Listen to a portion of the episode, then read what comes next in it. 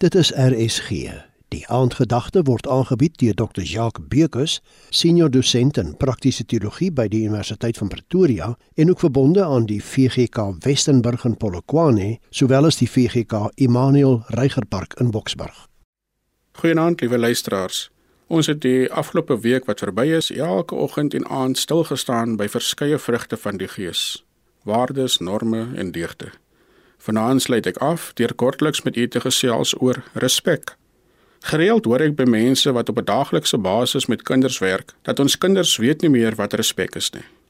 Die probleem lê egter nie net by die kinders nie, maar eintlik by ons hele samelewing. Daarom wil ek kortliks by twee elemente van respek stil staan, naamlik respek teenoor ander, sowel as selfrespek. Ek sien 'n gebrek aan respek lei tot allerlei ander wanoptredes wat ons daagliks in ons samelewing sien soos byvoorbeeld mense wat mekaar minag en afkraak, mense wat ander in ons samelewing mishandel en verwaarloos. Die feit dat misdaad, geweld en veral ook geweld teen vroue en kinders die hoogte vier, is juis as gevolg van 'n gebrek aan respek vir ander. 'n Gebrek aan respek laat my ook neersien op die ander. Met ander woorde, 'n gebrek aan erkenning van 'n ander se menswaardigheid. Respek teenoor man en vrou respek teenoor ouers en kinders, respek tussen bure en medemense, maar ook respek teenoor werkgewer en werknemer is van kardinale belang. Respek word verdien in die manier hoe ek ander behandel en nie as gevolg van my status nie. Bygesê, maak nie saak wat die beroep of status van iemand anders is nie. Almal verdien respek.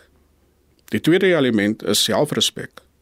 'n Gebrek aan selfrespek maak optredes Val my optredes trap my nie agtig. Selfrespek en selfliefde loop hand aan hand. Wanneer jy 'n gebrek aan selfrespek het, dan gee jy in effek jou eie waarde prys. Selfrespek raak dan die bril of die lens waardeur jy ander ook kyk. 'n Nuwe leefstyl begin by selfrespek. Mag God ons help om eie waarde te besef sodat ons onsself meer kan respekteer.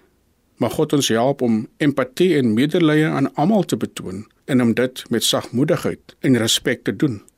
As mense of omstandighede nie aan my verwagtinge voldoen nie, mag God my dan bemagtig om genade en begrip te bewys sodat ek steeds ander met respek kan behandel. 'n Geseënde aand vir u verder. Amen.